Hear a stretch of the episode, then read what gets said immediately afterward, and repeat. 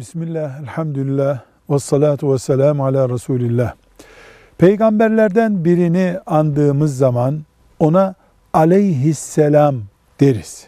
Dilimiz böyle alışmıştır. Peygamberlerden başkası için de aleyhisselam demek mümkündür. Özellikleri onlara ait, sadece onlar için söylenebilir bir kelime değildir. Mesela Ali radıyallahu anh için aleyhisselam denebilir. Fatıma aleyhisselam deniyor. Ama bu daha fazla Şii olanlar ehli beytten olan isimleri diğer sahabilerden daha üstün tutmak için kasıtlı olarak aleyhisselam ifadesini kullanıyorlar. Ali aleyhisselam diyorlar.